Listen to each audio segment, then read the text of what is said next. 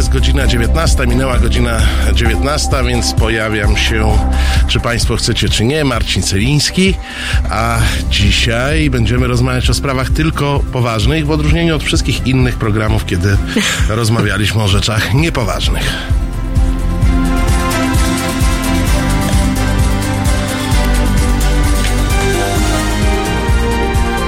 Halo Radio.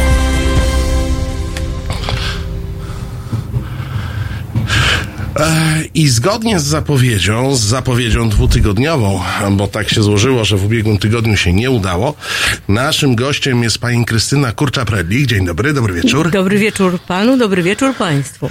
A i będziemy e, rozmawiać dzisiaj. Kuba, gdzie ty idziesz? Właśnie chciałem powiedzieć, że realizujesz program.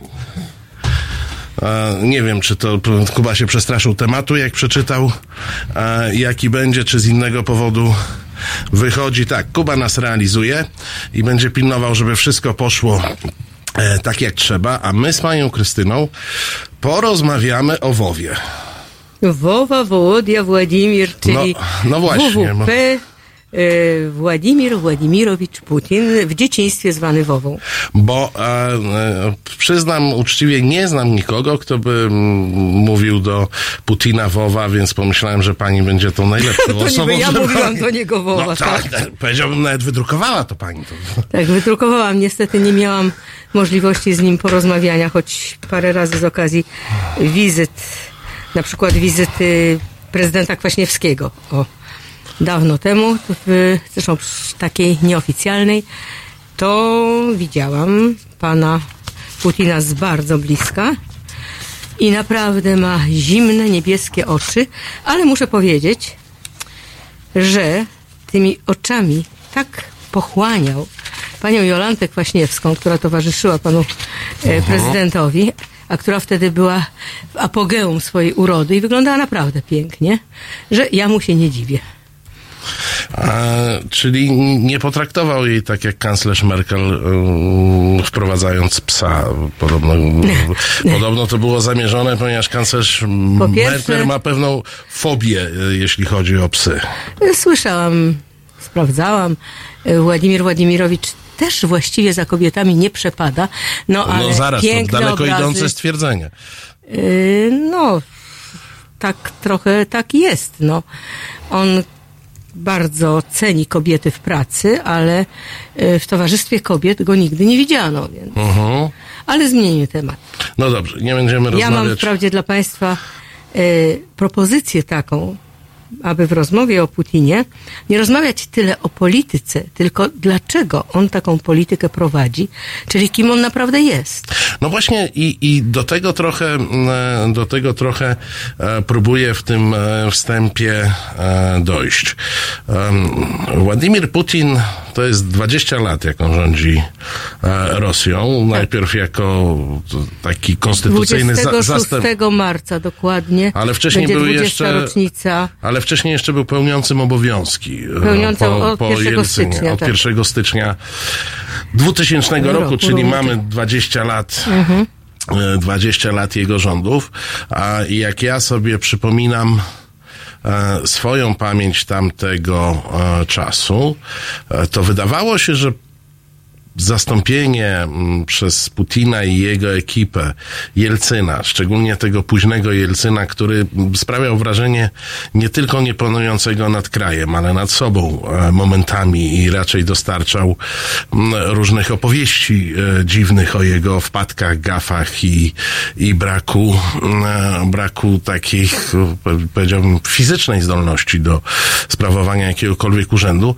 Wydawało się, że Putin może stanąć na czele takich, em, takiej ekipy technokratycznej, e, która w sposób zdroworozsądkowy zmieni Rosję na lepsze. Taki był ogląd zewnętrzny. Wprawdzie głosy płynące z wewnątrz trochę były inne, z wewnątrz Rosji, e, mniej optymistyczne, e, no ale wydawało się, że to jest taka zmiana pokoleniowa, że będzie w stanie mm, uporządkować Rosję, która po, po, po rozpadzie Związku Sowieckiego pogrążyła się e, w dużym e, kryzysie. A jednocześnie chyba nikt go nie podejrzewał e, wtedy, mówię o obserwatorach zagranicznych, o to, że z czasem może stać się no, mm, jakąś powtórką, kolejnym, e, kolejnym autokratą, satrapą, który tą Rosją będzie taką silną ręką zarządzał i kontynuował najlepsze tradycje, w cudzysłowie najlepsze, e, rosyjskiego zamordyzmu. Y, Tutaj mamy do czynienia z mitologią.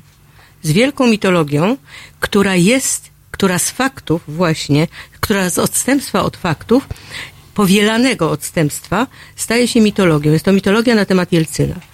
Jelcyn pod, w drugiej swojej kadencji rzeczywiście był człowiekiem bardzo chorym.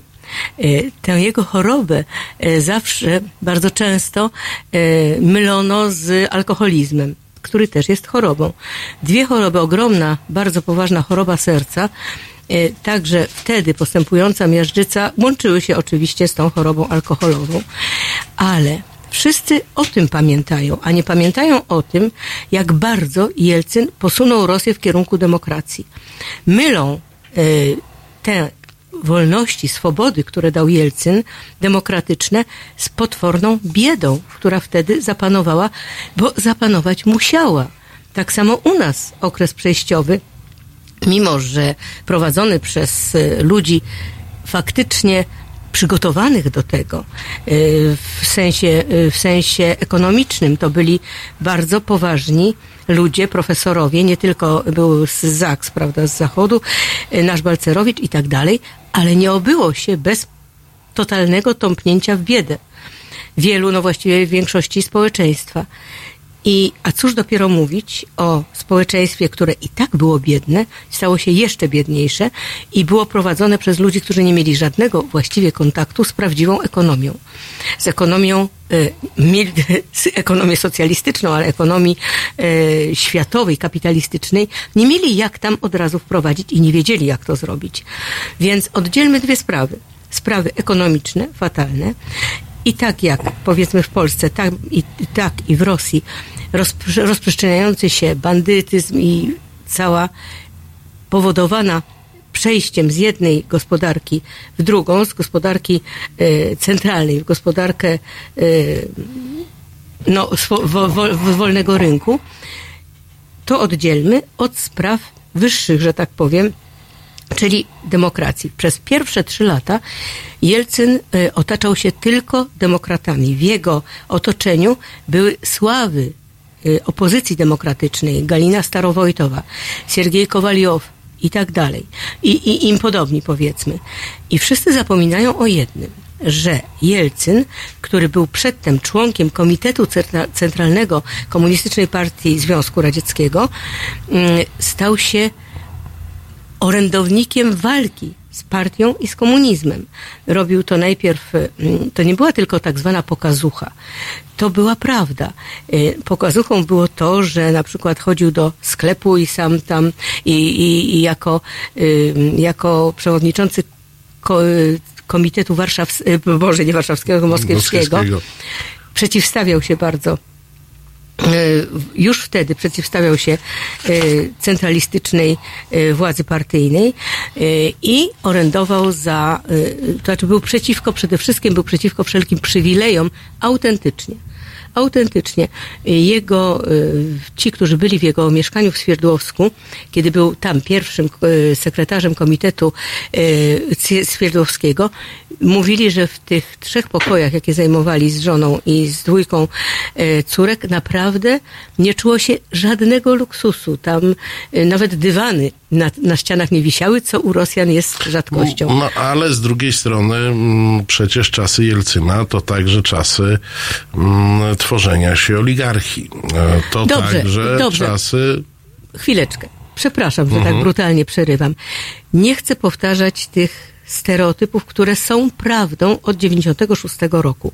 Ale dlaczego nikt nie mówi o tym, że czasy Jelcyna to są czasy e, wielkiej swobody dziennikarskiej, że to są czasy, kiedy Jelcyn zaprasza dziennikarzy z NTW, czyli bardzo opozycyjnej wobec Kremla telewizji, na, do, na Kreml i mówi, no czego wy ode mnie chcecie? No posłuchajcie. I rozmawia z nimi. Nie zdarzyło się, żeby Jelcyn nie poszedł do dziennikarzy, kiedy, no w czasie jakichkolwiek y, tam wielkich, y, no tam gdzie był, po prostu zawsze podchodził do dziennikarzy. Nie zamknięto żadnego pisma, a wręcz odwrotnie. Y, Mnożyły się pisma naprawdę demokratyczne, liberalne. I dlaczego o tym się nie mówi, że sprawy, które były związane z y, głasnością, z, z swobodą po prostu wypowiedzi, były dla niego szalenie ważne. Krytykowano go okropnie. Parlament wtedy, Duma, była opanowana przez y, partię komunistyczną, która go wykańczała, która na niego potwornie najeżdżała. On nie zrobił ani jednego ruchu, to znaczy długo nie robił żadnego oficjalnego ruchu y, przeciwko tej partii, przeciwko parlamentarzystom. Mało tego, kto by uwierzył dzisiaj przy Putinie, że pod koniec kadencji y, Jelcyna był, on wisiał na granicy impeachmentu. I to wszystko, i on na, to wszystko pozwalał. On nie zrobił żadnego antydemokratycznego ruchu. A to, że otaczał się oligarchami, bardzo łatwo powtarzać, bo to jest takie bardzo nośne. Kasa, o pieniądze.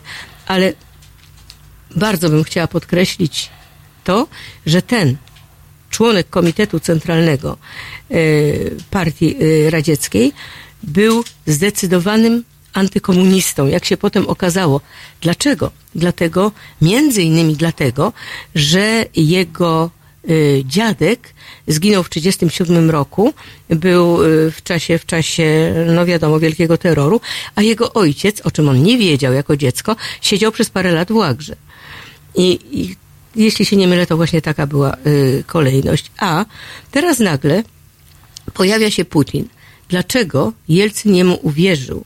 Dlatego, że przedtem Putin przez wiele lat, przez sześć lat pracował w merostwie To petersburskim. o tym może, bo, bo właśnie czas Jelcyna to jest także czas nominacji e, Putina na, na premiera. O tym zaraz po chwili przerwy, którą nam zapewni zupełnie nierosyjski Jimi Hendrix.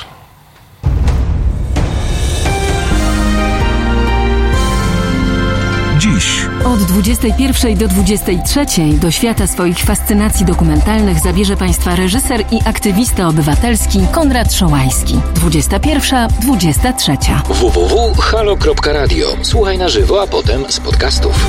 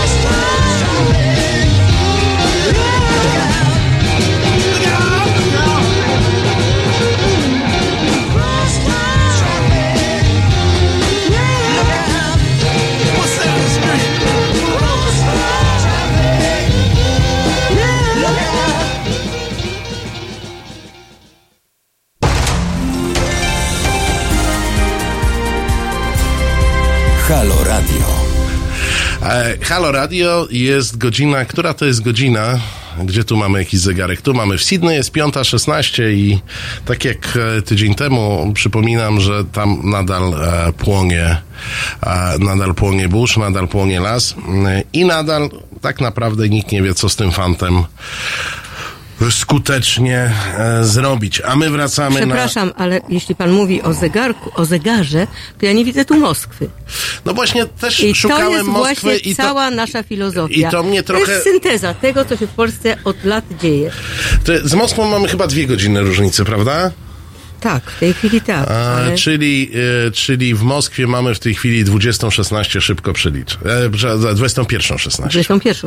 21.16. Trzy godziny mamy różnicy chyba nawet. A, nie wiem. Nie, dwie, dwie, dwie. No dwie. proszę, nie ma zegara, to skąd mam wiedzieć? No nie ma, no ja właśnie tak jak, jak e, chciałem powiedzieć, która jest godzina, szukałem Moskwy przez chwilę na tym naszym wyświetlaczu i jej nie znalazłem. E, no ale tak czy inaczej, która by tam nie była godzina, wracamy do tej Moskwy.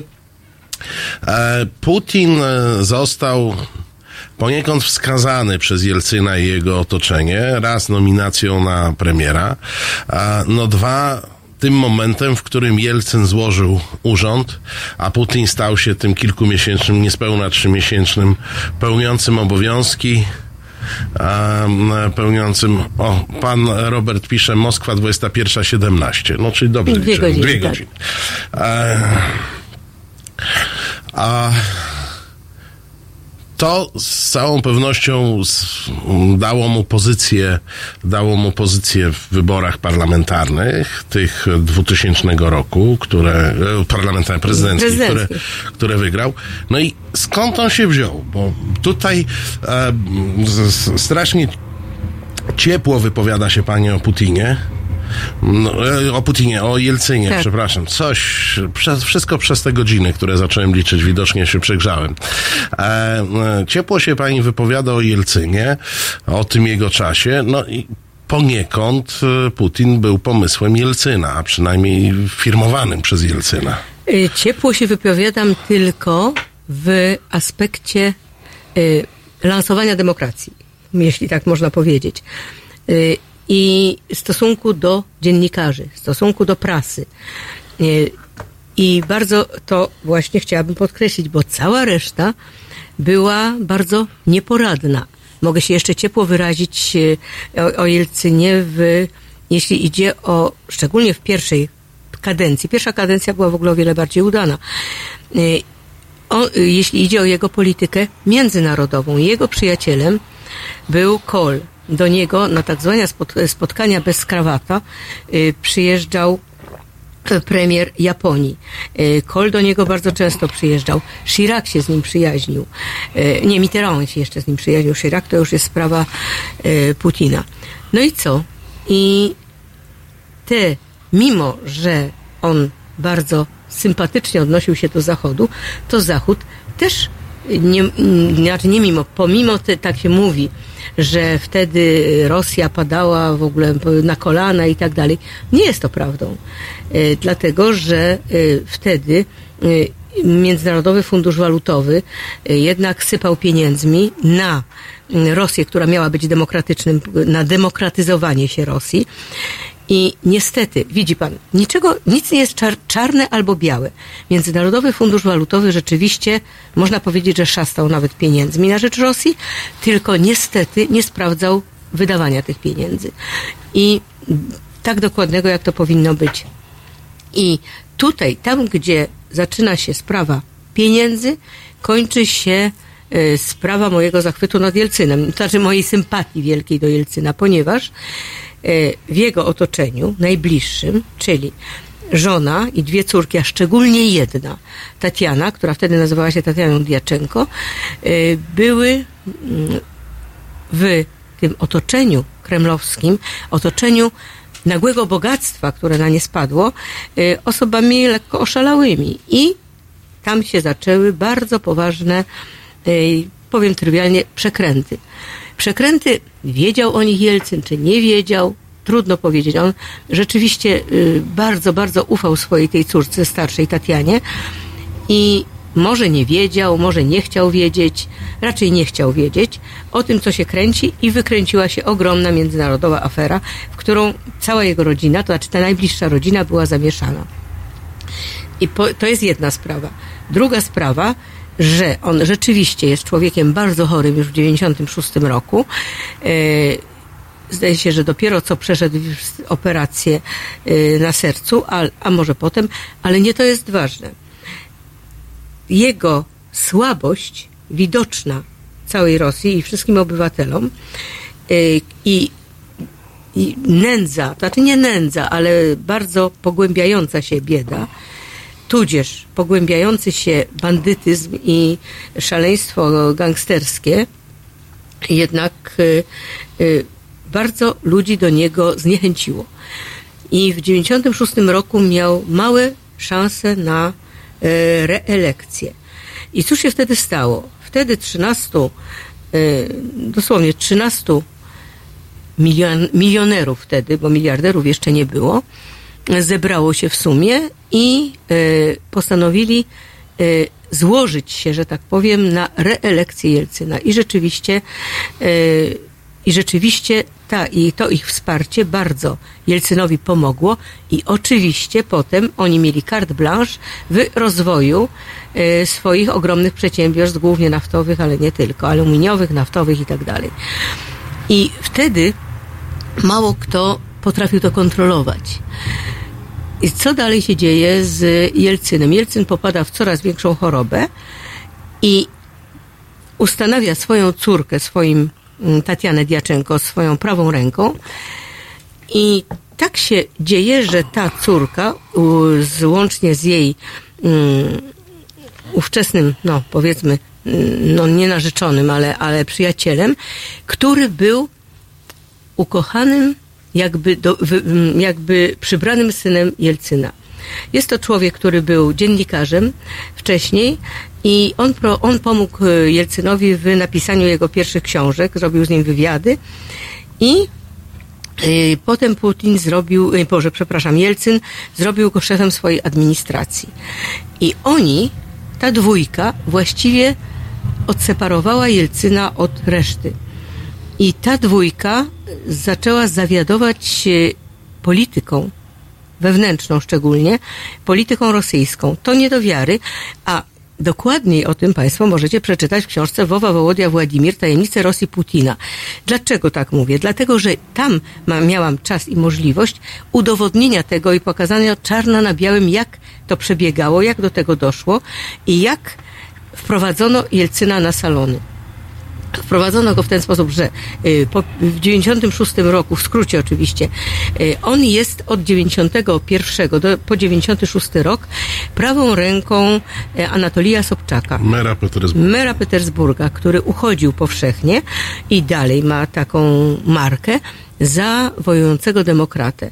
Ja pokazuję, że niestety wyglądało to inaczej i że ci dwaj panowie, to jest e, Sobczak, który był współpracownikiem KGB wcześniej i Putin, który już wrócił z Drezna, on tam wcale nie był szpiegiem, był po, po prostu pracownikiem KGB, KGB w Dreźnie.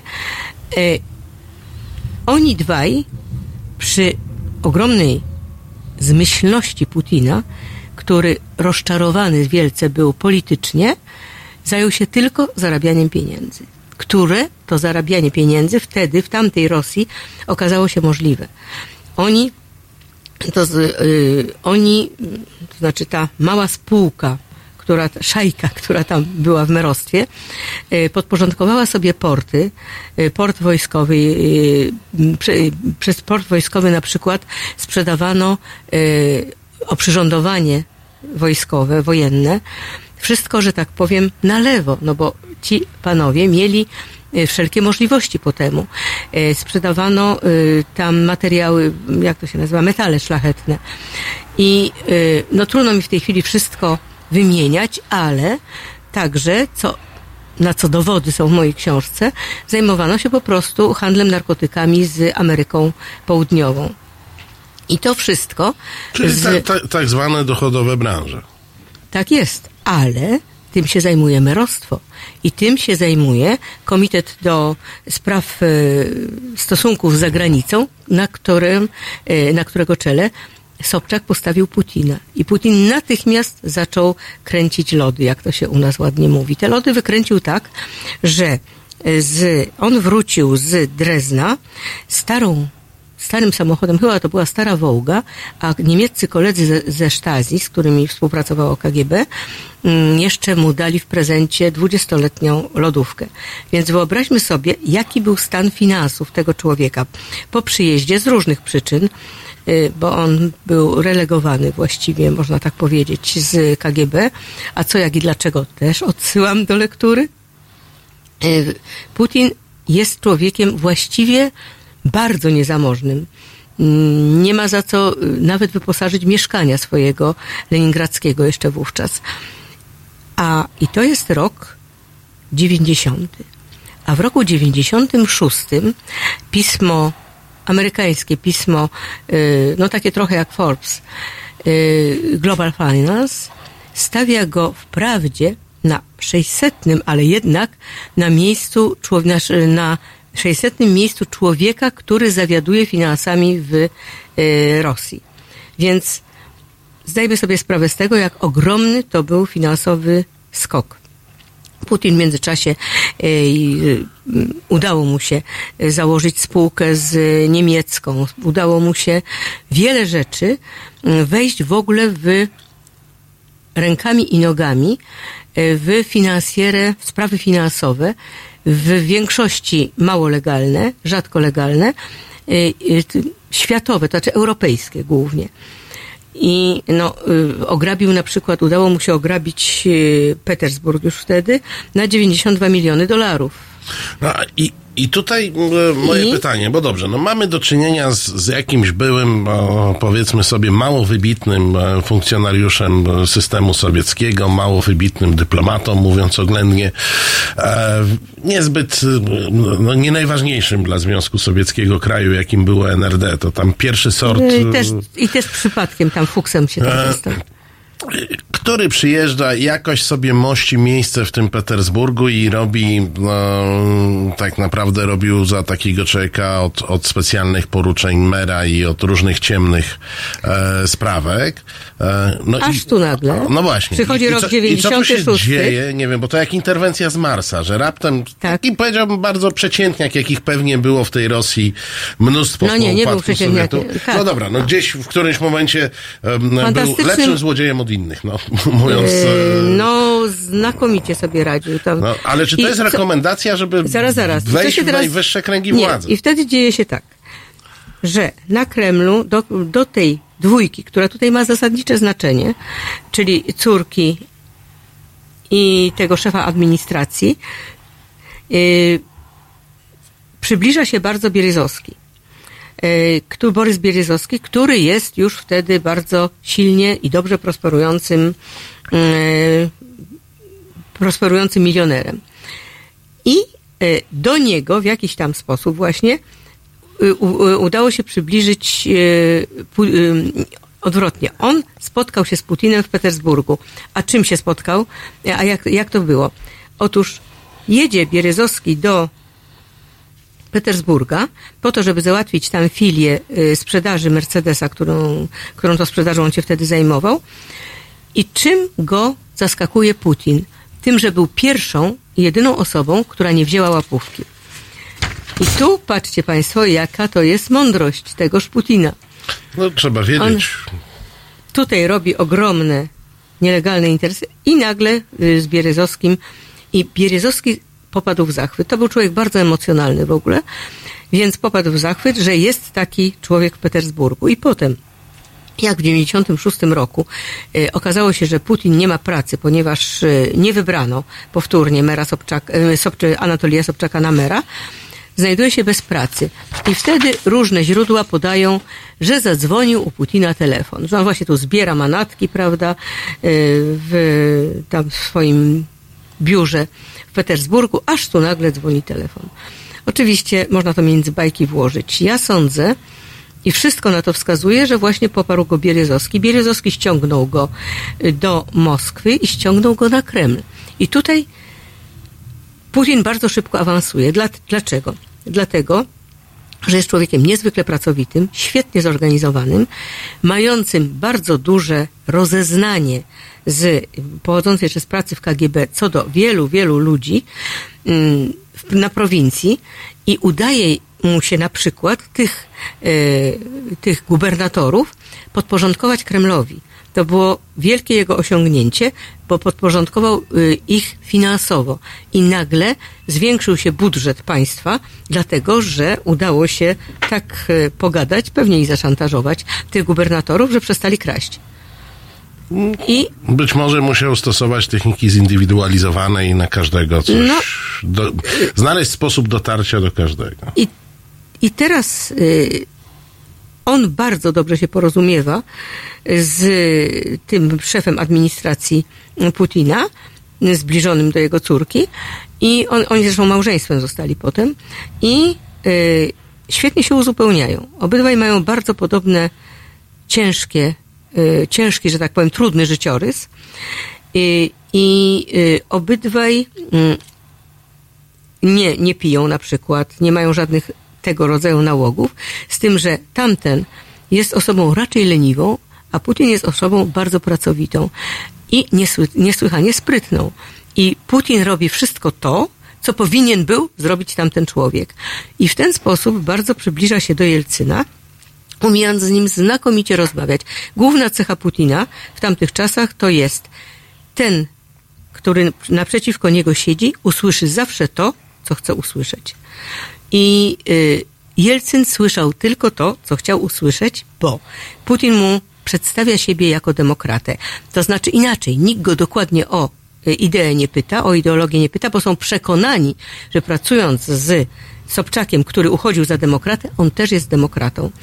I y, zaczyna go bardzo popierać Jelcyn, wtedy już schorowany i otoczony tą dwójką, która odseparowała go właściwie od reszty, tudzież mającym duże wpływy Bierzozowskim, który też w umiejscowieniu Putina na, na, na, na górze, że tak powiem, wyobraża sobie, y, wiąże z tym swoje nadzieje, że wtedy jemu już się uda rozkręcić niesłychany biznes i tak dalej, i tak dalej. I nie, y, Putin rozkręca w 97 roku, nie zapominajmy o tym, y, Jelcyn robi Putin, z Puti, Putina szefem FSB, czyli szefem dawnego KGB. I wtedy udaje się Putinowi rozkręcić e, ten cały, e, rozkręcić wojnę z Czeczenią, która, dzięki której staje się mniej więcej sławny. Potem następują różne tam straszne rzeczy związane z Czeczenią. Tak czy siak zostaje w 99 roku w sierpniu premierem. No już wiadomo, że ten, kto zostaje premierem, ten e, Z będzie potencjalnym następcą. dochodzimy do wyborów i jak wszystkie wybory Putina są to wybory totalnie sfałszowane. Dlatego, że według e, prawdziwych obliczeń powinien zostać e, wtedy prezydentem e, szef partii komunistycznej KPRF Ziuganow. Mniejsza tam co i jak, znowu wszystko to jest opisane. I y, wtedy dopiero, kiedy Putin staje na Kremlu przy pierwszej swojej inauguracji, na Kremlu, zważmy, że wszystkie poprzednie odbywało się, odbywały się w Pałacu Zjazdów, w skromnym, o wiele skromniejszym. A nagle ten człowiek, który był w dzieciństwie totalnie nikim, ten zakompleksiony osobnik, życzy sobie, żeby jego inauguracja przebiegała tak, jak przebiegała, to wszyscy wiemy. Te drzwi złote, Tak, które tak, się tak, otwierają. tak, tak. I występują i jest podczas inauguracji przemawia Jelcyn, przemawia Putin. I Jelcyn mówi o, demo, o zachowaniu demokracji, o y, wartościach dla narodu, o, o tym, co trzeba zrobić jeszcze dla narodu. Przeprasza także za to, czego nie zrobił. A tak między nami mówiąc, to przed śmiercią przeprosił Jelcyn za dwie rzeczy. Swój naród. Y, Przeprosił za roz, ro, y, rozpętanie wojny w Czeczeni i za Putina. No i wrócimy do tego. Jeszcze tylko dwa słowa. Przepraszam. Tak, nie dobra. dam, nie Dwa dopuszczę słowa panu jeszcze słowa. przed krótką przerwą. Krótka przerwa jest taka. Podczas tej inauguracji Jelcyn mówi o demokracji, a Putin mówi o tym, że Rosję trzeba bronić, nie wiadomo przed kim, bo przecież nikt nie napada, że ma być wielka i monumentalna i że będzie bronił także Rosjan poza granicami kraju, uwaga, a poza granicami kraju to jest właśnie Ukraina i tak dalej, i, wy, i zakończy swoją mowę tym, że y, w Rosji będzie jedno państwo, jeden naród, tu zawiesza głos i mówi jedna przyszłość. Nie mówi jeden wódz. Więc i wtedy jakoś nikt łaskawie tego nie zauważy. No tak, jak teraz pani o tym opowiada, to wygląda na kontrastujące, ale wtedy jakoś faktycznie nie zostało e, odnotowane. To jednak chwila oddechu, bo temat ciężki, zaśpiewa nam Tilt i wracamy.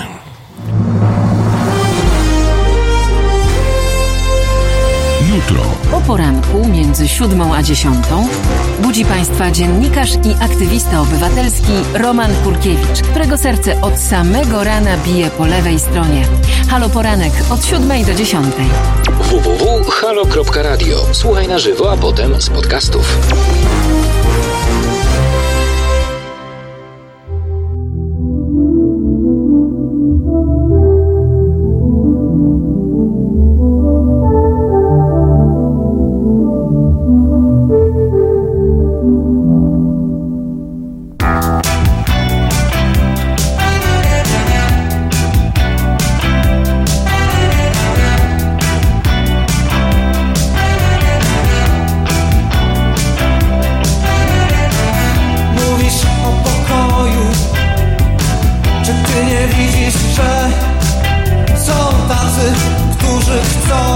Żebyśmy pozabijali się Żebym ja zabił ciebie Żebyś ty zabiła mnie Żebyśmy żyli w strachu Całe noce i całe dnie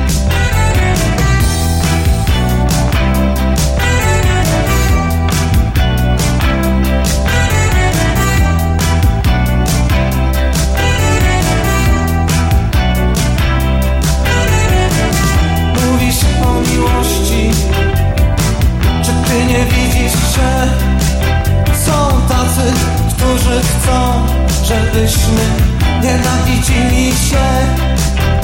I mówisz o wolności Przecież musisz wiedzieć, że Każdy z nas jest niewolnikiem. Czy tego chcesz, czy nie? Mówię ci, że Mówię ci, że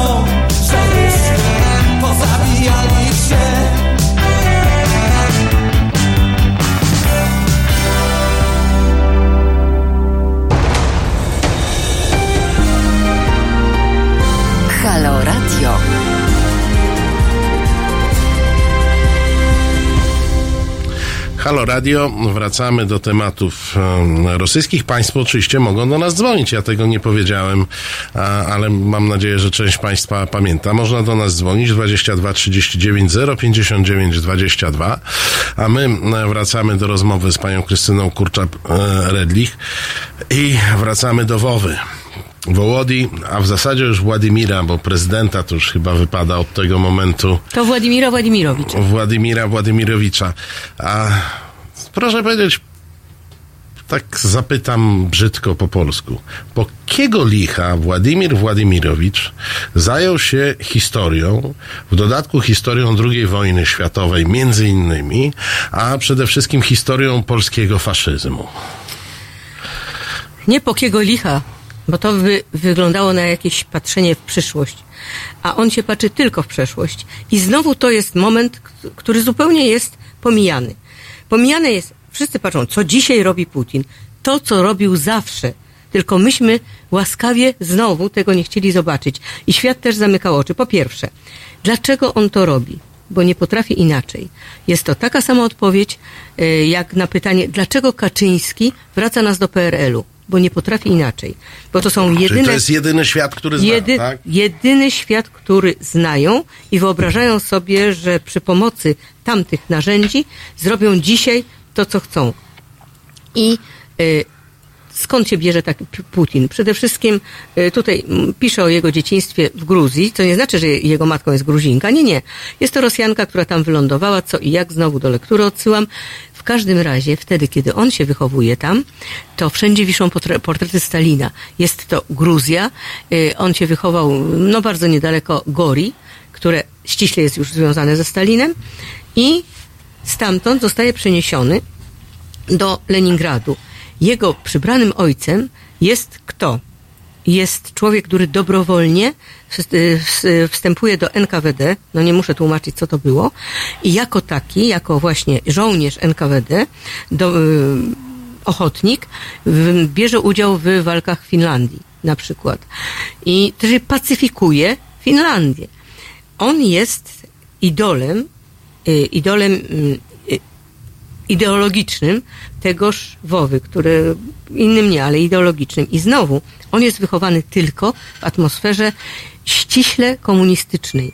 Y, Podobno y, przodkami tegoż jego przybranego ojca, ojcem tego przybranego ojca był y, kucharz Lenina, kucharz Stalina. Zdajmy sobie sprawę z tego, tak na marginesie, jeśli rzeczywiście tak było, że jeśli ten człowiek przeżył Będąc to, że był kucharzem Stalina, to jako- się, że, jakim musiał że to być- było stanowisko dosyć gorące i bardzo ważne. to kim on musiał być, na kogo musiał donosić i ile on ma tam życiorysów na sumieniu. Mniejsza z tym. W każdym razie w tym wyrasta Putin. I jest taki obrazek, który wbił mi się w pamięć, y, który, o którym opowiadał jego kolega z podwórka że wtedy, kiedy już od pięciu lat y, dewaluuje się kult, y, kult je- jednostki po 20 zjeździe przez Chruszczowa, prawda? Kiedy wszędzie wyrzucają portrety Stalina, to Wowa wyciąga portret Stalina, mały Wowa, wyciąga portret Stalina ze śmietnika i wiesza go, przybija go do ściany y, domu, w którym mieszkał w Leningradzie. I, i cały czas to w nim jest. Jest taka scena w 94 roku. On jest y, no, urzędnikiem w tym w merostwie. Jest jakieś tam międzynarodowe zebranie w Petersburgu. Oczywiście już bardzo tam demokratycznie nastawionych ludzi przyjeżdżają i tak dalej. I Putin nagle występuje yy, i stąd załącz zupełnie, że jednak największą wartością y, był, y, był Związek Radziecki, dlatego, że chronił swoich obywateli i wtedy już mówi o tym, że największą y, zbrodnią jest uwolnienie się od Związku Radzieckiego tych no, Ukrainy, Gruzji, Pribałtyki, czyli, czyli państw nadmorskich, czyli on nie może przeboleć tego, że te dawne prowincje, te y, składy, ta osnowa Związku Radzieckiego się rozpada i stała się niepodległa. On tego słowa nie znosi. On tego słowa do dziś nie może y, przetrawić. I dlatego jego polityka jest przeciw Ukrainie. To widzimy. Ona była zawsze antyukraińska, jest antygruzińska i, i jest na tyle antyłotewska, litewska y, i fińska, że, y, że tamte, tamte, y, tamte władze są spenetrowane y, całą no, specjalnymi służbami Rosji. Bardzo. I bronią się, łotewska oczywiście, y, i bardzo się bronią przed, y, przed, przed y, agresją, już w tej chwili oczywiście nie na razie, na razie nie zbrojną, ale na pewno agresją hybrydową, agresją e, internetową e, Putina. No ale on tą agresją obejmuje w zasadzie no, całą Europę bez, bez e, szczególnych e, Bo wyjątków. musi mieć wrogów po prostu. Ale to musi mieć wrogów, czy to, czy to jest jednak jakiś, jakiś plan? No bo jak pani mówi, że on e, to o tych różnych polskich faszystach i tak dalej myślał zawsze, to ja potrafię to zrozumieć. Ale Taka jest- była linia edukacyjna w Związku jest Sowieckim. jeszcze jedna sprawa. I ona nadal jest, ale nie na każdej konferencji prasowej akurat e, prez, jako prezydent poruszał ten wątek. A, A ja bym powiedziała, nie, teraz, teraz to wykrzyczał po Mhm. prostu. Ale y, no nie na każdej konferencji prasowej, ale nigdy nie powiedział, y, że pakt Ribbentrop-Mołotow był paktem agresywnym.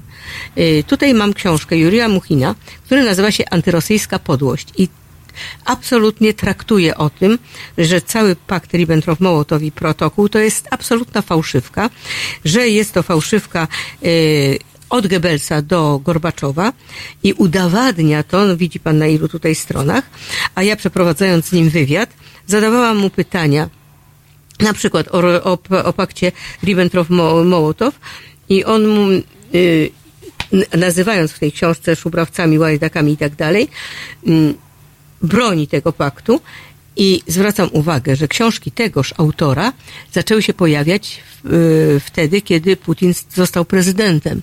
Y, pierwsza data wydania tej książki to jest 2003 rok. Więc cały czas ta osnową, podporą prawdziwego, prawdziwej działalności Putina jest antyhistoryczność. To znaczy jest, jak to się nazywa, polityka historyczna. Nic gorszego nie ma. No my e, Którą od, on od cały- powiedziałbym, drugą kadencję Sejmu bardzo mocno doświadczamy na no własnej właśnie. skórze w I- polskiej wersji polityki historycznej. Powiem tak. Nie było takiego momentu, kiedy Putin oficjalnie i na całą Rosję przyznał, że y, żołnierzy polskich, że oficerów polskich zabili y, żołnierze NKWD. Owszem, pojawił się film Katyń, wtedy po wizycie Putina w Katyniu, ale y, o tej jego wizycie wtedy y, media tamtejsze prawie, że jego tam prawie nie było on się nie przeciwstawił temu filmowi, bo wtedy jemu było to na rękę, powiedzmy, ale de facto nie, nie zaprzeczał, y, de facto nie zaprzeczył uczestnictwu żołnierzy NKWD w rozstrzelaniu polskich oficerów, po pierwsze. Y, Po drugie, zaraz, niedługo po tym, kiedy on się zachował przyzwoicie, zmuszony przez nasze władze do tego, y, to potem cały czas jest reaktywacja tej his, antyhistorycznej, e, antyhistorycznej e, jego linii. Dowodem są podręczniki, które się zaczęły pokazywać. Jelcyn spowodował ukazanie się tak niesłychanie e, obrazoburczych dla Rosjan po, podręczników, że aż trudno w to uwierzyć. Po- Pojawił się podręcznik e, Kredera, pojawił się, e, już w tej chwili zapomniałem, jak się ten drugi autor nazywał. W każdym razie są to podręczniki, które mówią i o protokole agresywnym paktu Ribbentrop-Mołotow, i o Katyniu, i o wszystkim, co nas dotyczy, prawdę, tudzież mówią o czymś, czego Rosjanie do dziś nie przyjmują, o udziale innych armii poza ich armią w wyzwalaniu e, świata z, spod e, faszyzmu. I tutaj jest dowód, jest rok 2015 w y, dalekim Swierdłows, w- no daleko w każdym razie na, wschodzie, organizuje się ambasada angielska, ambasada amerykańska, organizują wystawę, którą sojusznicy w II wojnie światowej. I FSB y, nagłaśnia tę wystawę jako antyrosyjską, dlatego że na stu zdjęciach pokazuje się udział armii, y, no armii zachodnich y, i w ogóle wojnę na zachodzie pokazuje się jako, że tak powiem, drugi front. I to wystawa zostaje zdjęta, tak nie zdjęta, nie dopuszczono do jej pokazania się, ponieważ mer tego miasta był, jest demokrat, już, skończyła się jego kadencja, jest demokratą, robi tę wystawę w kinie. I, i ludzie, którzy tam przychodzą, mają otwar- nie, niesłychanie są wstrząśnięci tym, że ktoś poza Rosjanami jeszcze walczył tej wojnie, którą oni nazywają wojną oj- ojczyźnianą, która zaczęła się u nich od y, 22 czerwca 1941 roku. Ale to proszę powiedzieć, bo I to jest polityka Putina. Jednak, my jednak patrzymy na, na, w kategoriach jakiejś przyczyny, skutku, efektu i tak dalej, a pani mówi, że Putin po prostu tak jest, tak to widzi i dlatego tak to opowiada i, że opowieść o ambasadorze mm, Wysockim, który miał być jakimś takim wielkim sojusznikiem i admiratorem e, się inaczej mówimy o ambasadorze w, w Berlinie. Tak. Który A, miał, ambasador, tak, e, tak, tak. tak, który miał być wielkim admiratorem e, pomysłów Hitlera na, na e, e, rozwiązanie różnych dręczących go obsesji.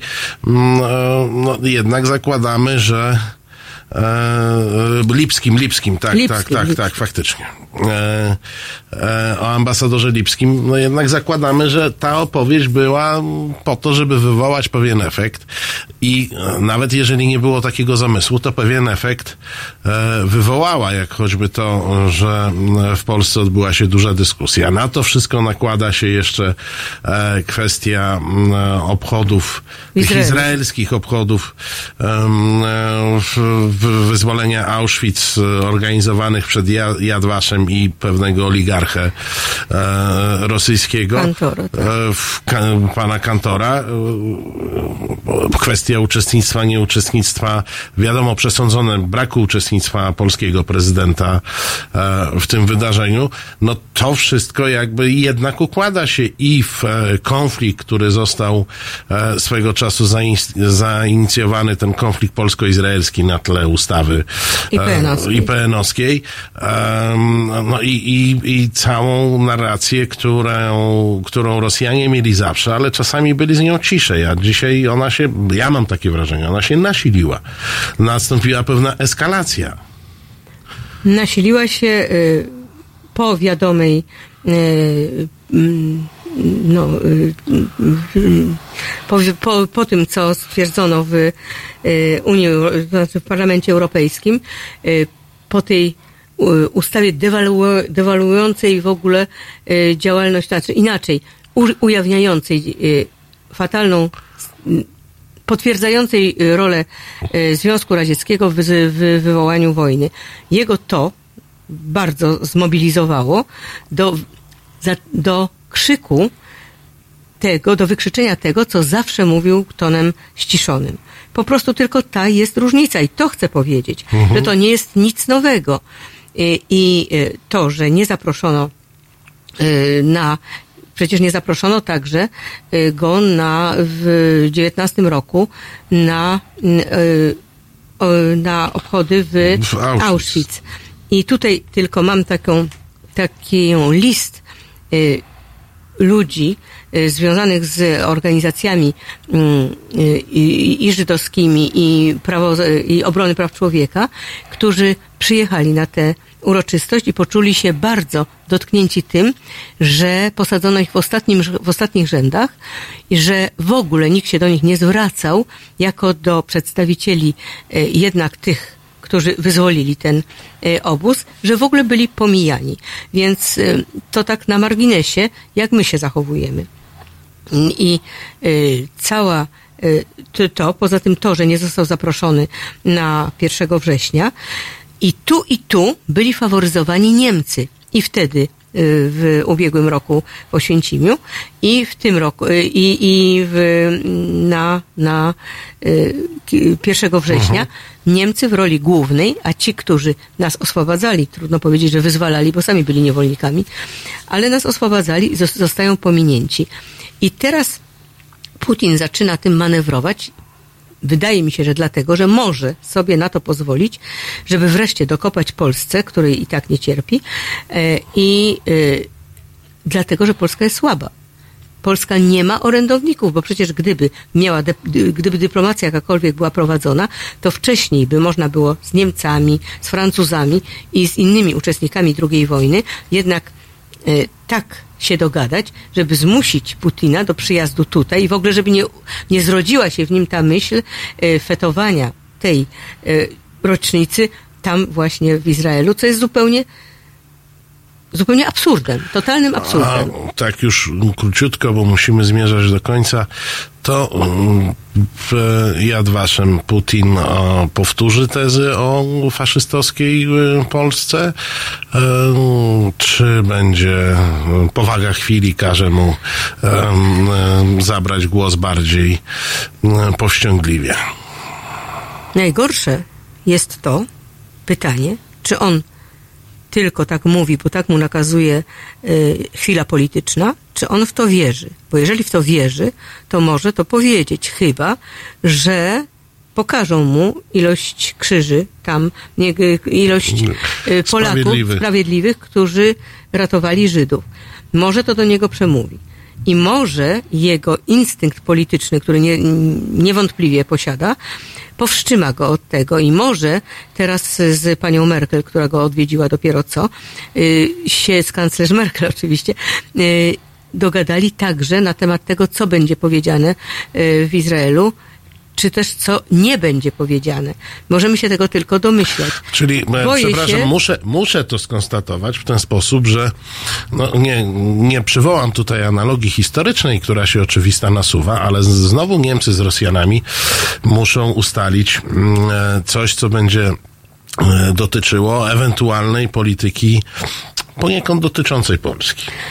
No, przykro mi, ale oni się dogadują wtedy, co do naszych losów, kiedy jesteśmy słabi. Czyli, proszę Państwa, podsumowując, trudno mieć pretensje do kogokolwiek o to, że jesteśmy słabi i nie potrafimy się e, przeciwstawić i mieć sojuszników e, w pewnych rozgrywkach. Ja bardzo dziękuję, że znalazła Jak Pani. to trudno? No trudno mieć pretensje do kogoś, najlepiej mieć do siebie o własną słabość i, e, i budować. Mm, e, Ja bardzo dziękuję, że znalazła Pani dla nas czas. Pani Krystyna Kurczak-Ledlik była naszym e, gościem. E, my w tej chwili włączamy trochę muzyki dla oddechu. Na początek Nirvana, a potem wracamy.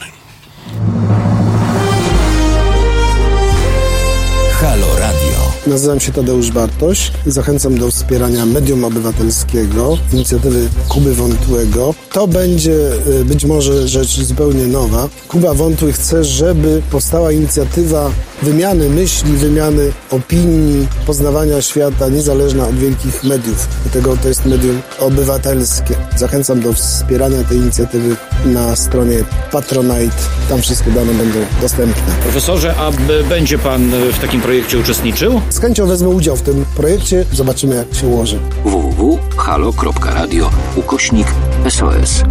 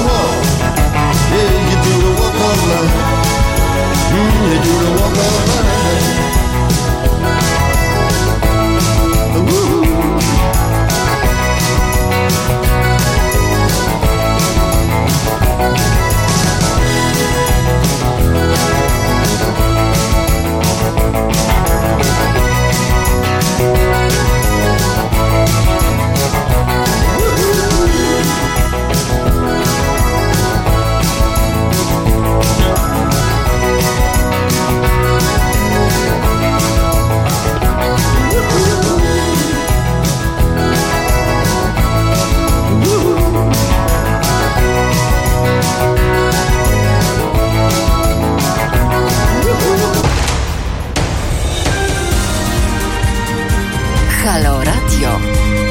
Gadamy i trochę gramy.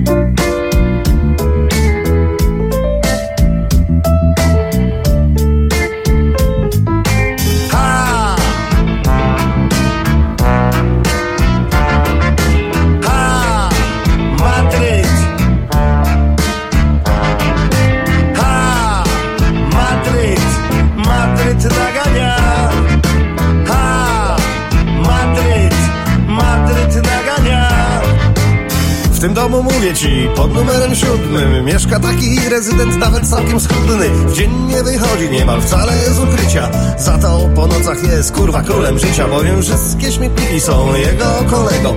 Zawsze w każdym z nich znajdzie coś ciekawego. Wraca nad ranem obiuczony zdobyczami Przecież wiecie sami jak to bywa z nagrodami. Kto zrobił, kto zrobił, kto zrobił to kto namalował to romantyczne tło?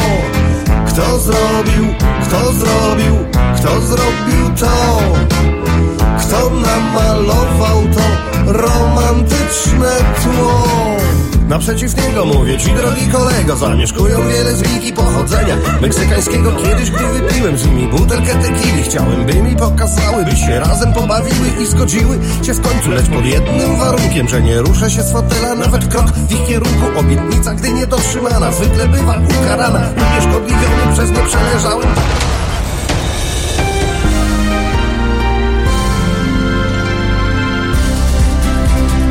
Halo Radio. Pierwsze radio z wizją.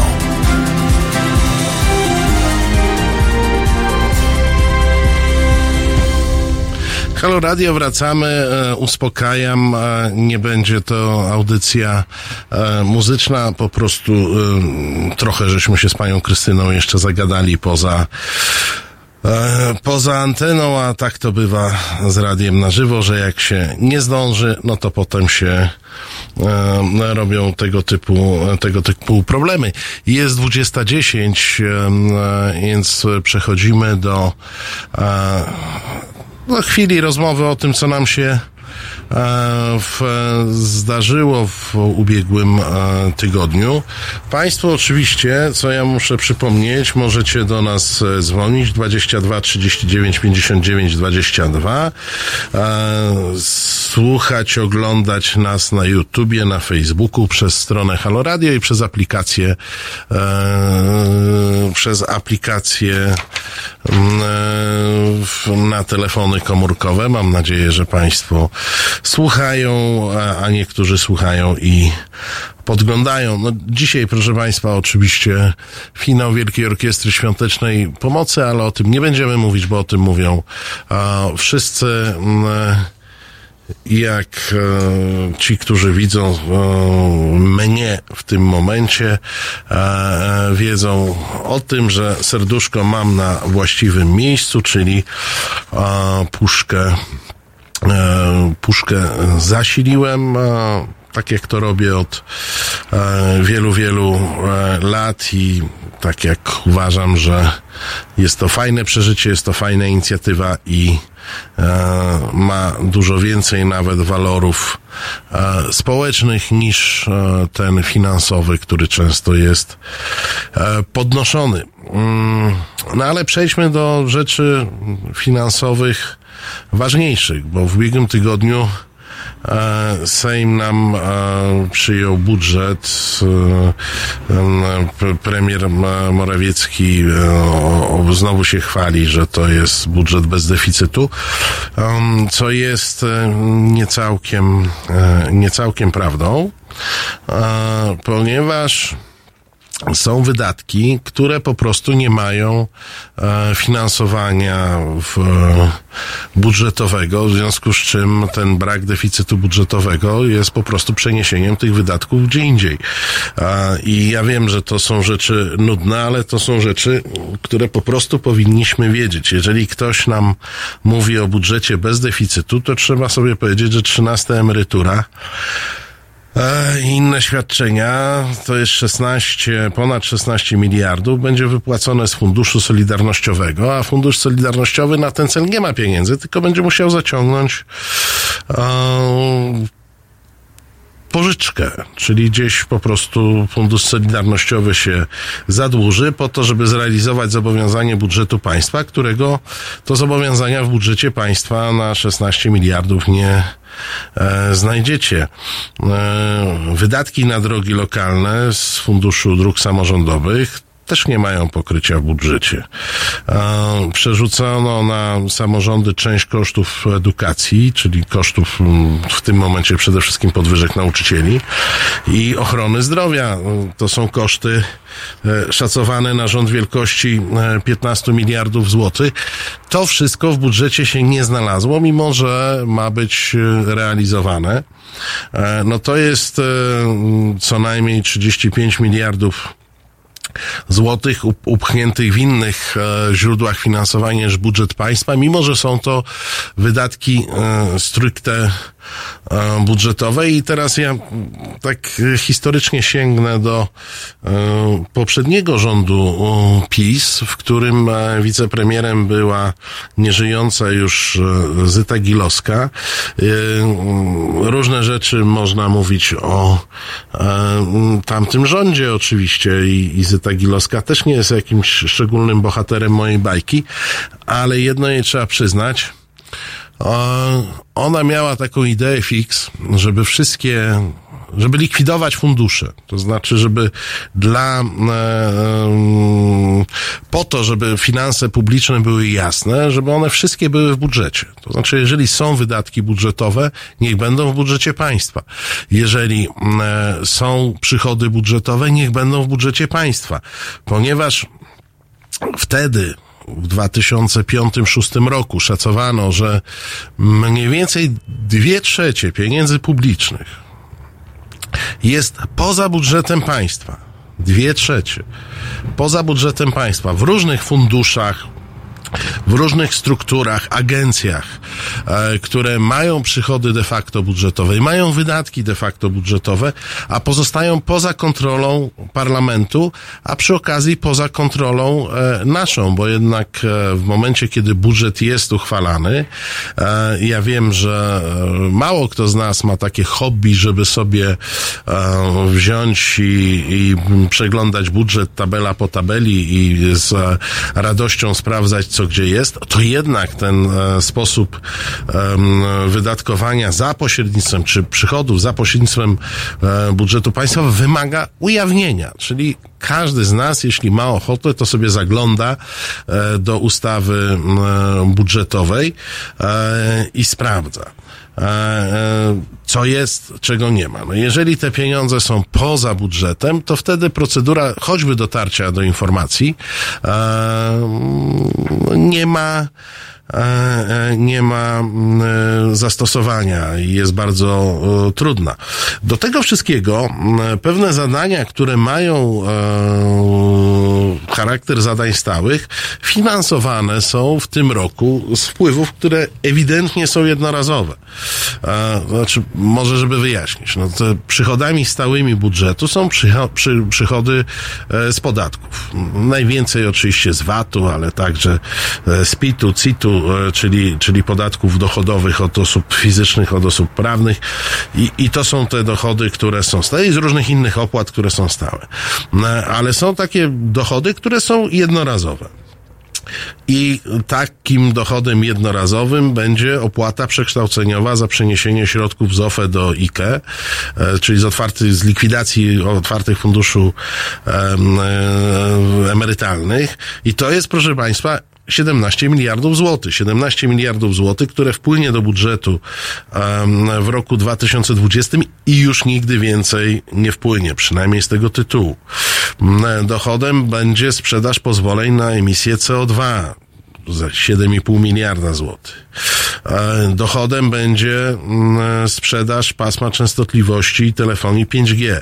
Szacuje się, że e, uzyska z tego tytułu budżet państwa 4-5 miliardów e, złotych.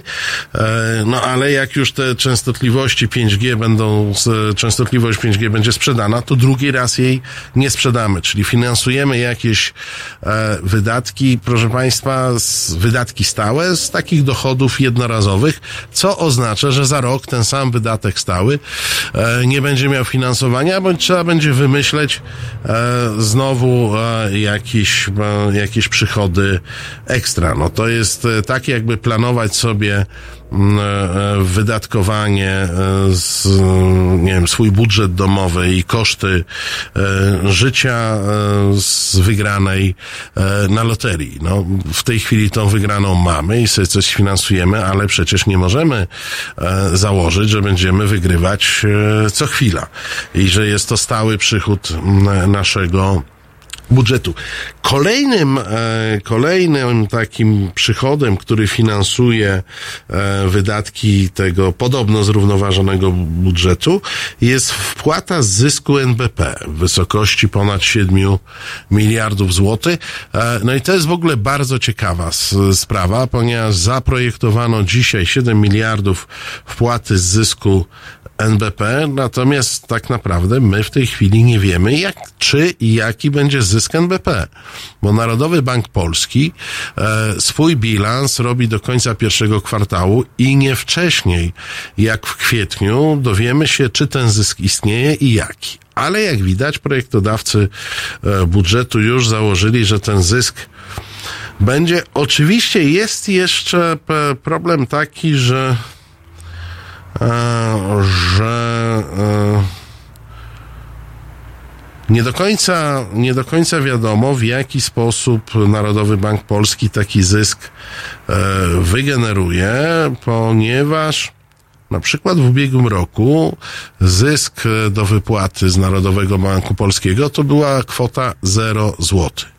A Po roku okazuje się, że będzie to kwota 7 e, miliardów złotych.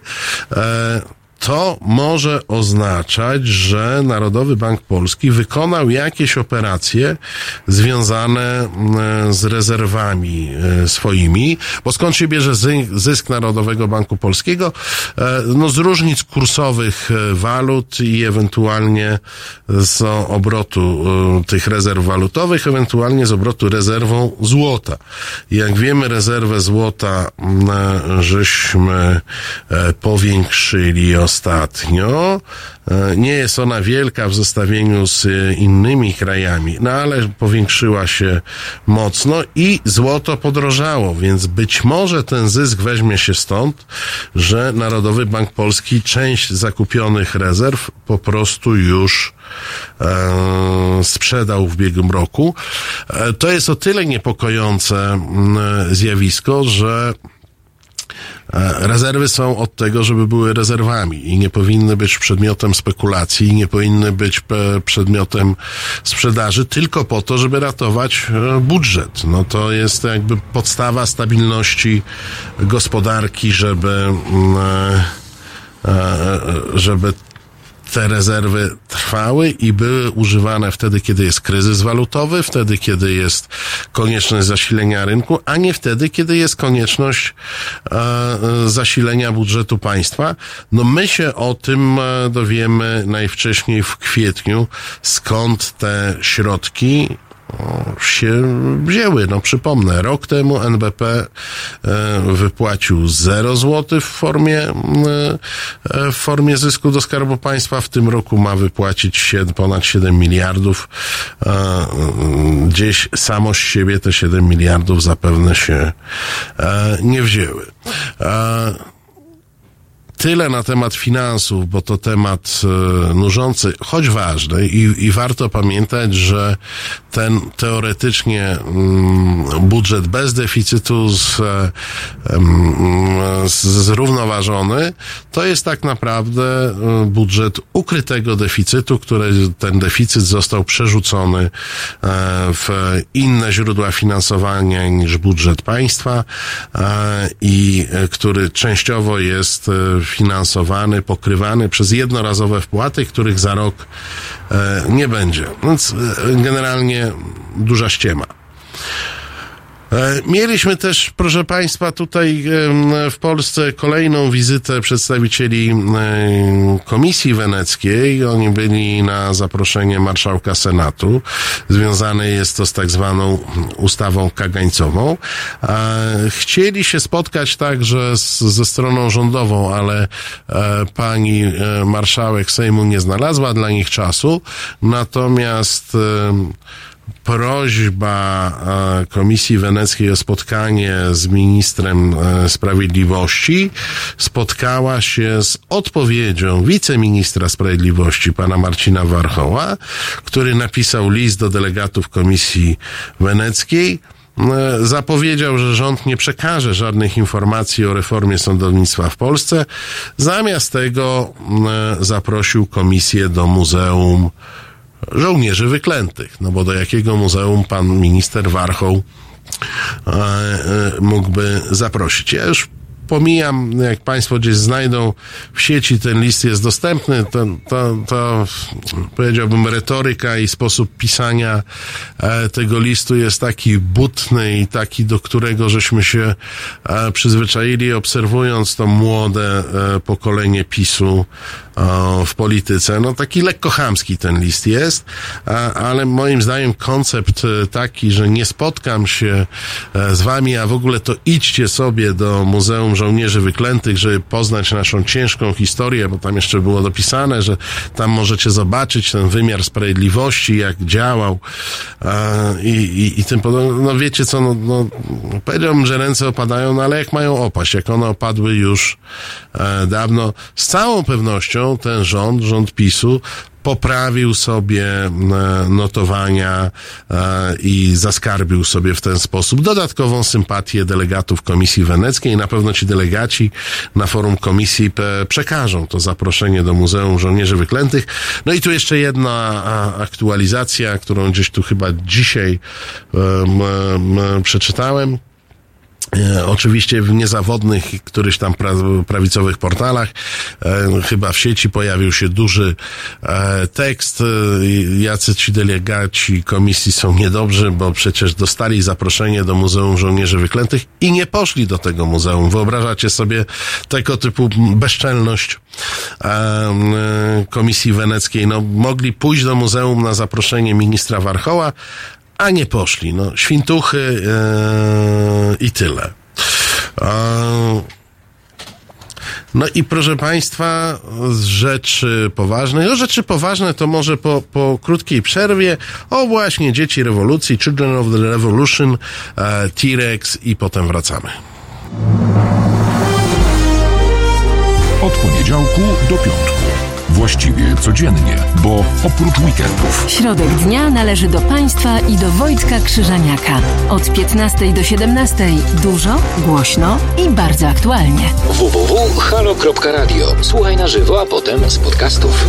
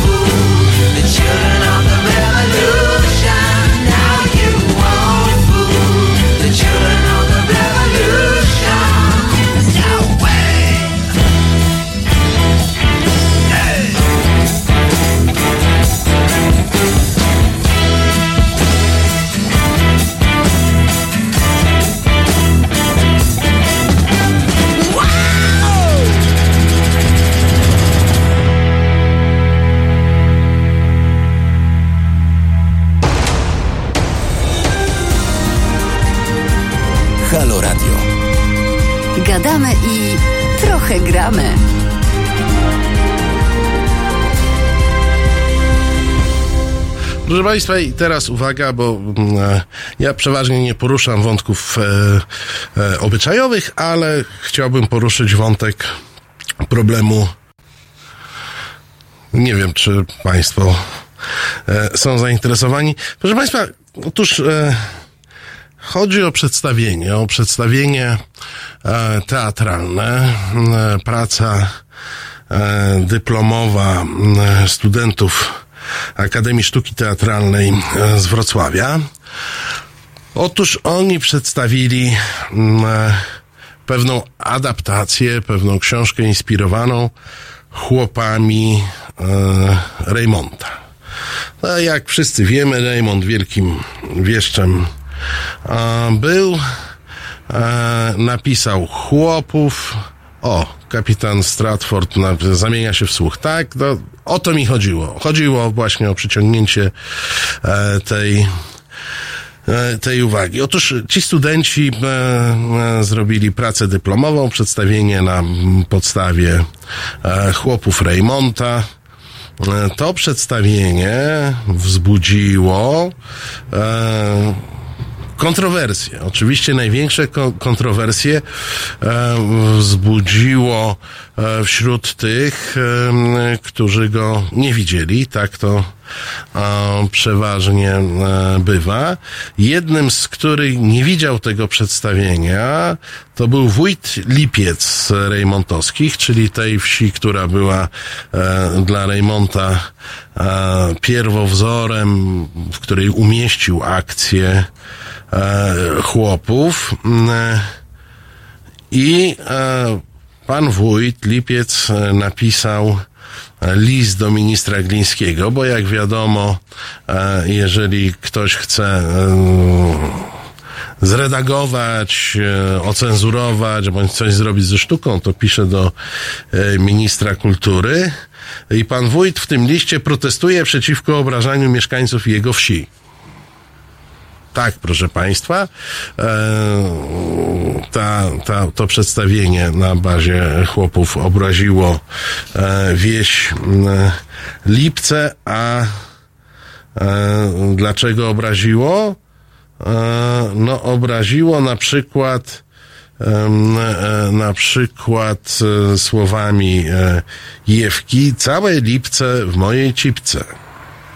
Tym kluczem posłużyli się twórcy serialu, co, co z, spektaklu, co zresztą zauważyła e, Gazeta Polska e, codziennie. E, pani redaktor Kołodyńska napisała, że młodzi aktorzy zbrukali dzieło noblisty.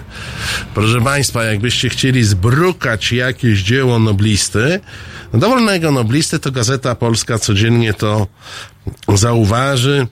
E, Najbardziej szokowało ją to obsceniczne sceny w rytmie Bogu Rodzicy, wulgaryzmy określające życie seksualne i aktorzy z przyczepionymi na rzepy sztucznymi e, genitaliami.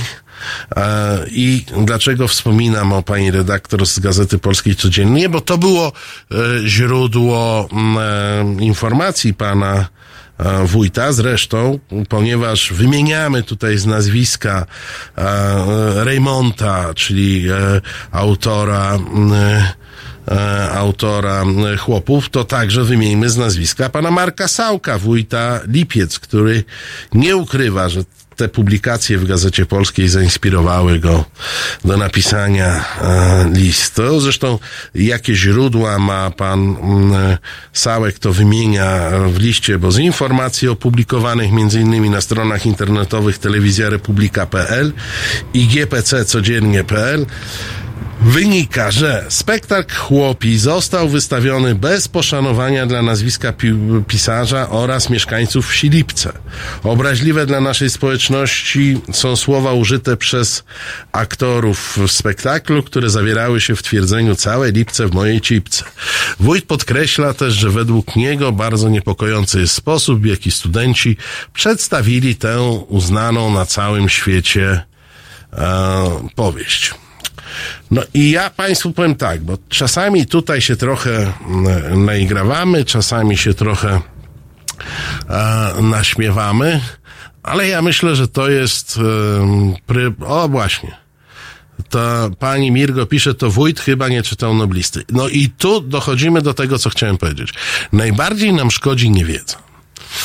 Bo oczywiście ja się, ja mam wykształcenie, e, ja mam wykształcenie e, uzyskane w PRL-u, w związku z czym oczywiście w moich podręcznikach było napisane, że Władysław e, Reymont skupił się w powieści Chłopy, na kwe, Chłopi, e, na kwestiach klasowych, nierówności społecznych, e, wyzysku e, biednych przez bogatych e, i tak dalej, i tak dalej. Czyli to była powieść głęboko społeczna, żeby nie powiedzieć socjalistyczna w swoim e, wymiarze. Oczywiście oczywiście w moich podręcznikach e, było jeszcze dopisane, że wszystkie te problemy zlikwidowała Polska Rzeczpospolita Ludowa, parcelując majątki i e, nadając e, ziemię chłopom małorolnym, tudzież e, bezrolnym, w związku z czym e, e, Raymond e, powinien być e, zadowolony. Nie dożył biedaczek, ale byłby bardzo zadowolony, gdyby zobaczył reformę rolną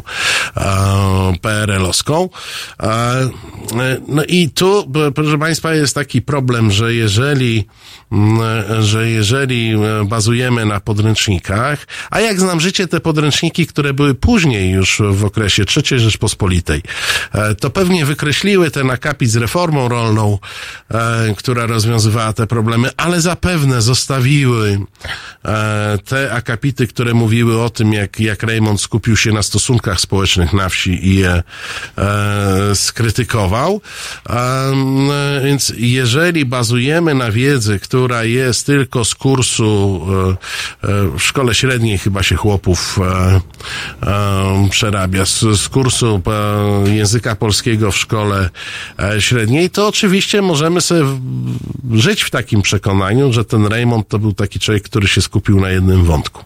Ale jeżeli ktoś tych chłopów przeczytał, Zapewnie jakiś procent tych, którzy zaliczyli tę lekturę, przeczytało. Nie tylko korzystało z bryków, nie tylko korzystało z opisów podręcznikowych, ale jeżeli ktoś ją przeczyta, to wie, że to jest kilkaset stron o obsesjach seksualnych, to jest kilkaset stron o żądzy i pożądaniu, to jest kilkaset stron e, o przeróżnych e, zjawiskach natury obyczajowej, e, opisanych w sposób, który był bardzo odległy zarówno od norm e, ówczesnych, p- pruderyjnych e, i tym podobnych, jak i dzisiejszych.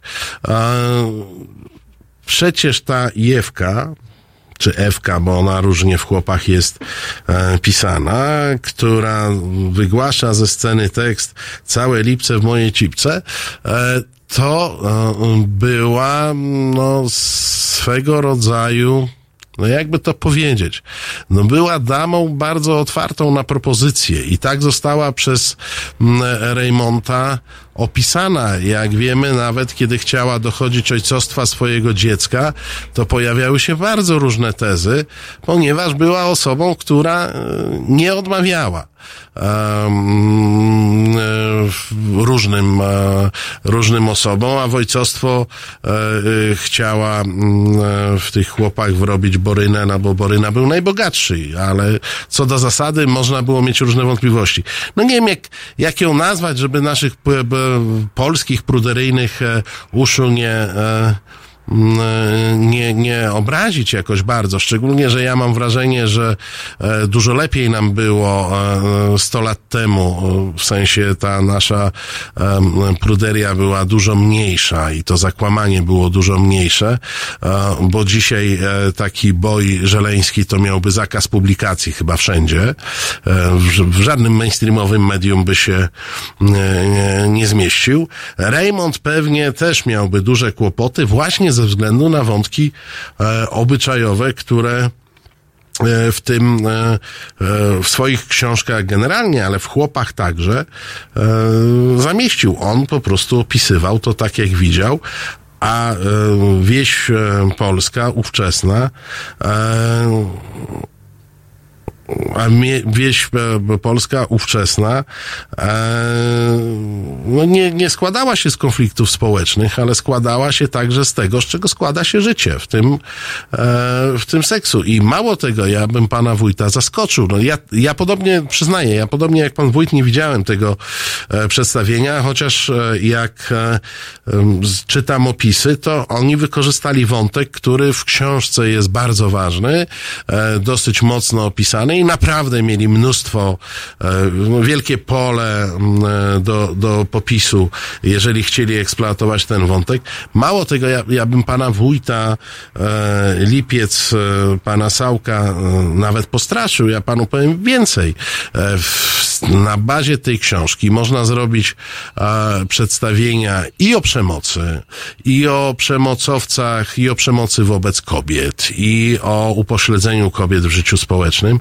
E, nawet feministyczne można zrobić e, przedstawienie e, e, na, na, bazie, e, na bazie chłopów. Generalnie tam jest bardzo dużo wątków i ja myślę, że ten Nobel, którego Raymond dostał za chłopów, e, był między innymi dlatego, że on e, tak wielowarstwowo i na wielu płaszczyznach e, opisał ten, tę wieś. Natomiast no my w ramach na różne, znaczy jeszcze w PRL-u można sobie było, można wytłumaczyć, dlaczego oni się e, skupili, e, dlaczego w PRL-u w podręcznikach skupiono się na tym wątku społecznym, no bo to tam jest faktycznie pokazywane są nierówności i w to PRL-owi ideologicznie było graj. E, natomiast dlaczego po PRL-u e, nie pokazuje się innych wymiarów e, tej literatury, to proszę Państwa, dlatego, że jesteśmy zakłamani, dlatego, że jesteśmy pruderyjni, dlatego, że wszyscy udajemy, że pewnych zjawisk nie ma, bo nie ma zjawiska pedofilii w kościele, nie ma zjawiska przemocy wobec kobiet, nie ma zjawiska, proszę Państwa, zdrad, nie ma zjawiska trójkątów takich, jaki tworzyli e, Maciek Kantek Borynowy i, i Jagna. No tego po prostu nie ma, nie wolno o tym mówić. E, pan Sinsul pisze, e, że gdyby poseł Pięta czytał, to by wiedział, jak to robić. No tak, proszę Państwa, ale nawet nie ma tego trójkąta posła Pięty, jego żony i, i jego tam towarzyszki sejmowej życia takiej drugiej. E, więc powiem Państwu, że generalnie mam wrażenie, że, że większość tego, że większość tych problemów natury społecznej, natury wolnościowej, które mamy, wynika przede wszystkim z tego, że my nie czytamy. Bo gdyby ktoś przeczytał tych e, e, chłopów, to by wiedział, o czym oni są. A ponieważ bardzo mało z nas przeczytało chłopów, a, choć to było jeszcze w czasach, kiedy nie należało się, znaczy nie było w dobrym tonie chwalić się, że się nie czytało, e, noblisty, tak jak w tej chwili półpolskich, z zachwytem, o, z samozachwytem oświadcza, że nie czytało nic Olgi Tokarczuk i mało tego, nie zamierza nigdy nic przeczytać, bo, bo nie, bo już. Więc nawet w czasach, kiedy nie było tego takiego antyinteligenckiego nastawienia, to, to mało nas czytało, dlatego nam mogą robić wodę z mózgu i na przykład tłumaczyć, że e, że na tych wsiach, w tych lipcach rejmontowskich, to byli tacy ludzie, którzy żyli pobożnie w monogamicznych e, związkach i jeżeli ktoś to przedstawia inaczej, to właśnie narusza zaraz gdzie ja mam ten fragment, bo to jest takie, e, ta, takie fajne określenie. takie fajne określenie, żeby było. em, że, że to jest e, przedstawienie bez poszanowania dla nazwiska pisarza oraz mieszkańców wsi Lipce. Proszę Państwa, jeśli do kogoś mieć na ten temat mm, pretensje, to miejmy odwagę. No miejmy pretensje do Reymonta. Opisywał te wszystkie niestandardowe, przynajmniej w rozumieniu e, etyki, którą zapewne pan wójt Całek się e, kieruje, te wszystkie niestandardowe zachowania, opisywał te żądze, opisywał to, że ludzie potrafią kochać cudzą żonę, e, bądź wykorzystywać seksualnie e, służącą, czy kogoś e, ustawionego e, poniżej w hierarchii e, e, społecznej. No wziął Raymond to napisał, więc jeżeli do kogoś pretensje, e, e, jeżeli do kogoś pretensje, to tylko do Raymonta, tak jak Państwo piszą tu na czacie na YouTubie, do Raymonta, do Żeromskiego, oboju nawet nie wspominając, bo to już diabeł e, wcielony ten ci to coś napisał. O, czytanie nie jest mocną stroną większości, a ze zrozumieniem, no dajcie spokój, co za wymagania. No i może ma pan, e, może ma pan e, rację to pisząc, ale ja państwu powiem, że czytałem, a nawet kiedy byłem małym chłopcem, breakout.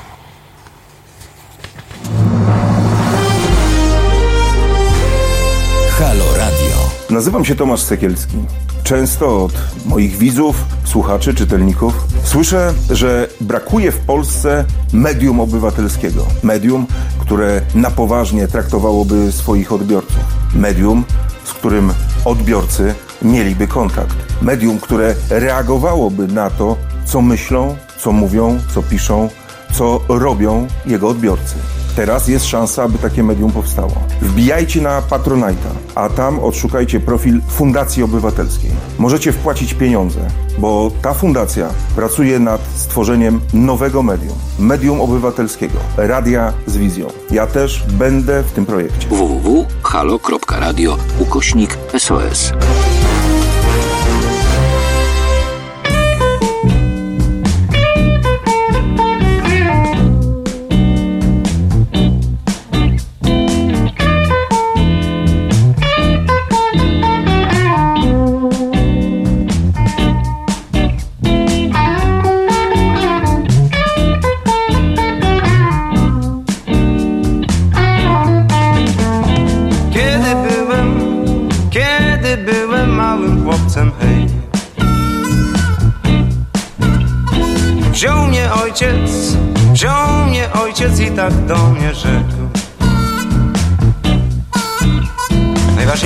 Się czuje, słuchaj zawsze głosu serca, hej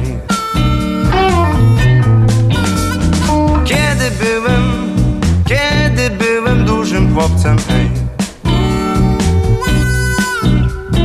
Wziął mnie ojciec, wziął mnie ojciec i tak do mnie rzekł.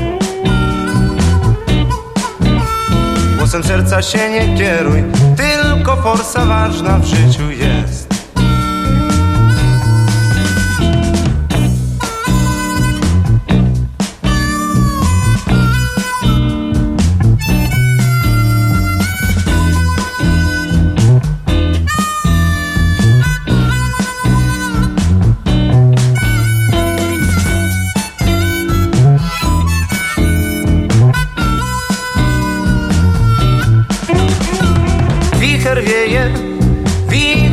słabe drzewa łamie.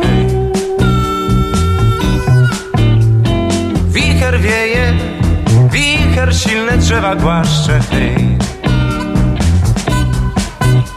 Najważniejsze to być silnym, wicher silne drzewa głaszcze hej.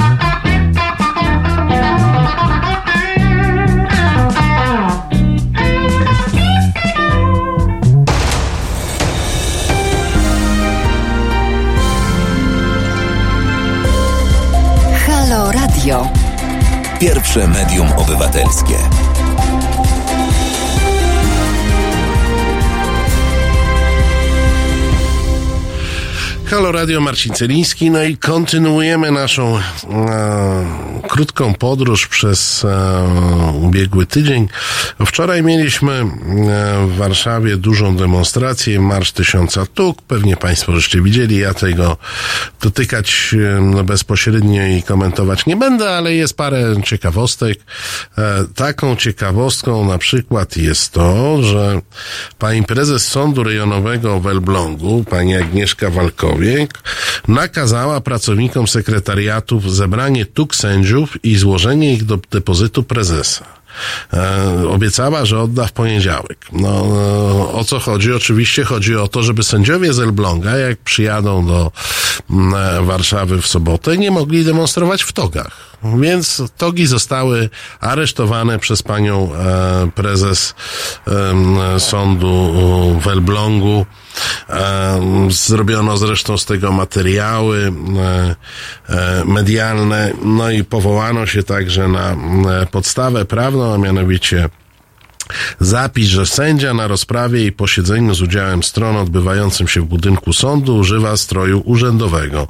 Strojem urzędowym jest toga, a sędziego przewodniczącego na rozprawie lub posiedzeniu także nakładany na kołnierz togi łańcuch z wizerunkiem orła. Jeżeli w posiedzeniu uczestniczy małoletni sędzia, może zaniechać używania stroju urzędowego. I na podstawie tego e, zapisu uznano, że sędzia nie może nosić togi e, poza sądem.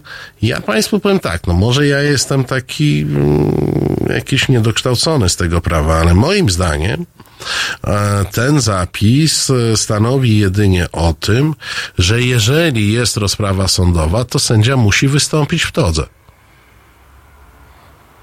A nic tu nie ma o tym, że sędzia nie może wystąpić w todze poza rozprawą sądową e, na ulicy czy gdziekolwiek indziej. Jeszcze raz powiem, no z tego przepisu dla mnie wynika mm, e, z tego przepisu dla mnie wynika tylko tyle, że sędziemu nie wolno prowadzić rozprawy bez ubrania się w togę, łańcuch i, i tym podobne rzeczy. O, o tym, czy sędzia może w tej todze i łańcuchu na przykład przejść po korytarzu sądowym, jak skończy sprawę, no ten przepis tego nie reguluje. No i oczywiście jesteśmy... E, z, oczywiście jesteśmy. O, tutaj jest propozycja pani prezes do Ligi Brązowych Języków. Tak, proszę państwa, to, to, to o to chodzi. No, pani prezes e, wykazała się czujnością rewolucyjną, aresztowała togi. E, sędziowie, e, sędziowie z e, Elbląga w togach e, nie wystąpią. Mamy telefon. Halo tak, Radio. Tak, tak. E, Ja tam wpisałem przed chwileczką. Z tego, co mnie pamięć nie myli, to prawnicy kupują togi za swoje. E, c- Nie chcę tutaj ceny, ale wiem, że adwokaci, y, radcowie prawni kupują za swoje. Nie wiem, prokuratorzy chyba nie, bo to służba prokuratorska, natomiast sędziowie za swoje. Jeżeli tak, to jest zabór mienia prywatnego. Nieuprawniony. No, ale to taki detal. A teraz druga sprawa. E, Toga stanowi e, kompletny strój sędziego na sali sądowej wyłącznie z łańcuchem. Bez łańcucha ona nie stanowi żadnego kompletu. Bez łańcucha to jest po prostu część, którą należy do sędziego po to, żeby y, przepisy prawa y, stanowić, ale są wyjątki, jak sam czytałeś przed chwileczką, tak? No, No. Bardzo dziękuję panie Piotrze. Dziękuję. Dzięki, kłaniam się. No proszę państwa, wiadomo, że nie chodzi o te przepisy. Wiadomo, że nie, chodzi o taką e, po prostu złośliwość. Podobną złośliwość innego rodzaju to jest e, to, że mm, e, sędziowie z Lublina wyjechali z dużym opóźnieniem, ponieważ e, pojawiła się inspekcja transportu drogowego, żeby skontrolować sprawność autobusu, którym mieli jechać. Państwo wiecie, czasami jak dzieci się wypuszcza gdzieś tam, to się wzywa policję, żeby, żeby sprawdziła. Tutaj chyba policja nie chciała uczestniczyć w tym takim ewidentnie złośliwym procederze, więc znaleźli się funkcjonariusze inspekcji transportu e, e, drogowego, którzy przyjechali i mm, przez ponad półtorej godziny e, przez ponad półtorej godziny sprawdzali, e, czy autobus jest e, sprawny. Jak wiadomo, taki autobus można sprawdzać 10 minut, można sprawdzać pół godziny, można też sprawiać, sprawdzać dwie godziny. Państwo inspektorzy są. Ja, ja Państwu, ja Państwu powiem tak, bo to te togi, ten autokar, jakieś takie drobiazgi, to jest gówniarstwo tej władzy. Naprawdę. To jest gówniarstwo tej władzy. To są metody y, gówniarzy, którzy e, próbują tak szczypać po kostkach, no bo przecież nie zaszkodzą, tak? Przecież nie zlikwidują tej demonstracji. Ale chodzi o to, żeby było przykro i to po prostu wynika z ich, przepraszam, kurewskiego charakteru, z niczego innego. Z kurewskiego charakteru ludzi, e, których ta władza dopuściła e, do stanowisk i do możliwości decydowania o, o czymkolwiek, więc oni decydują na miarę własnego intelektu i szkodzą na miarę własnego intelektu. I to tyle na dzisiaj. Pamiętajcie, że jeszcze, mm, e, jeszcze możemy zdobyć takie serduszka, jak, jak ja mam i warto je, warto mieć serce na, na swoim e, miejscu. Ja się z Państwem żegnam. Za moment e, będzie tutaj Konrad Szołajski i jego goście, a my usłyszymy się za tydzień o 19 w niedzielę. A na koniec zagra nam jeszcze król.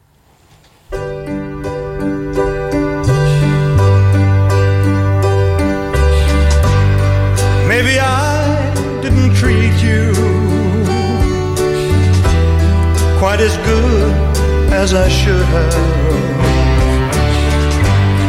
Maybe I didn't love you quite as often as I could have. Little things I should have said and done.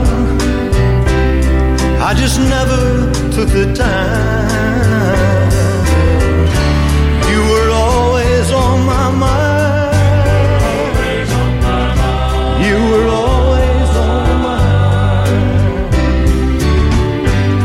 Maybe I didn't hold you all those lonely, lonely times.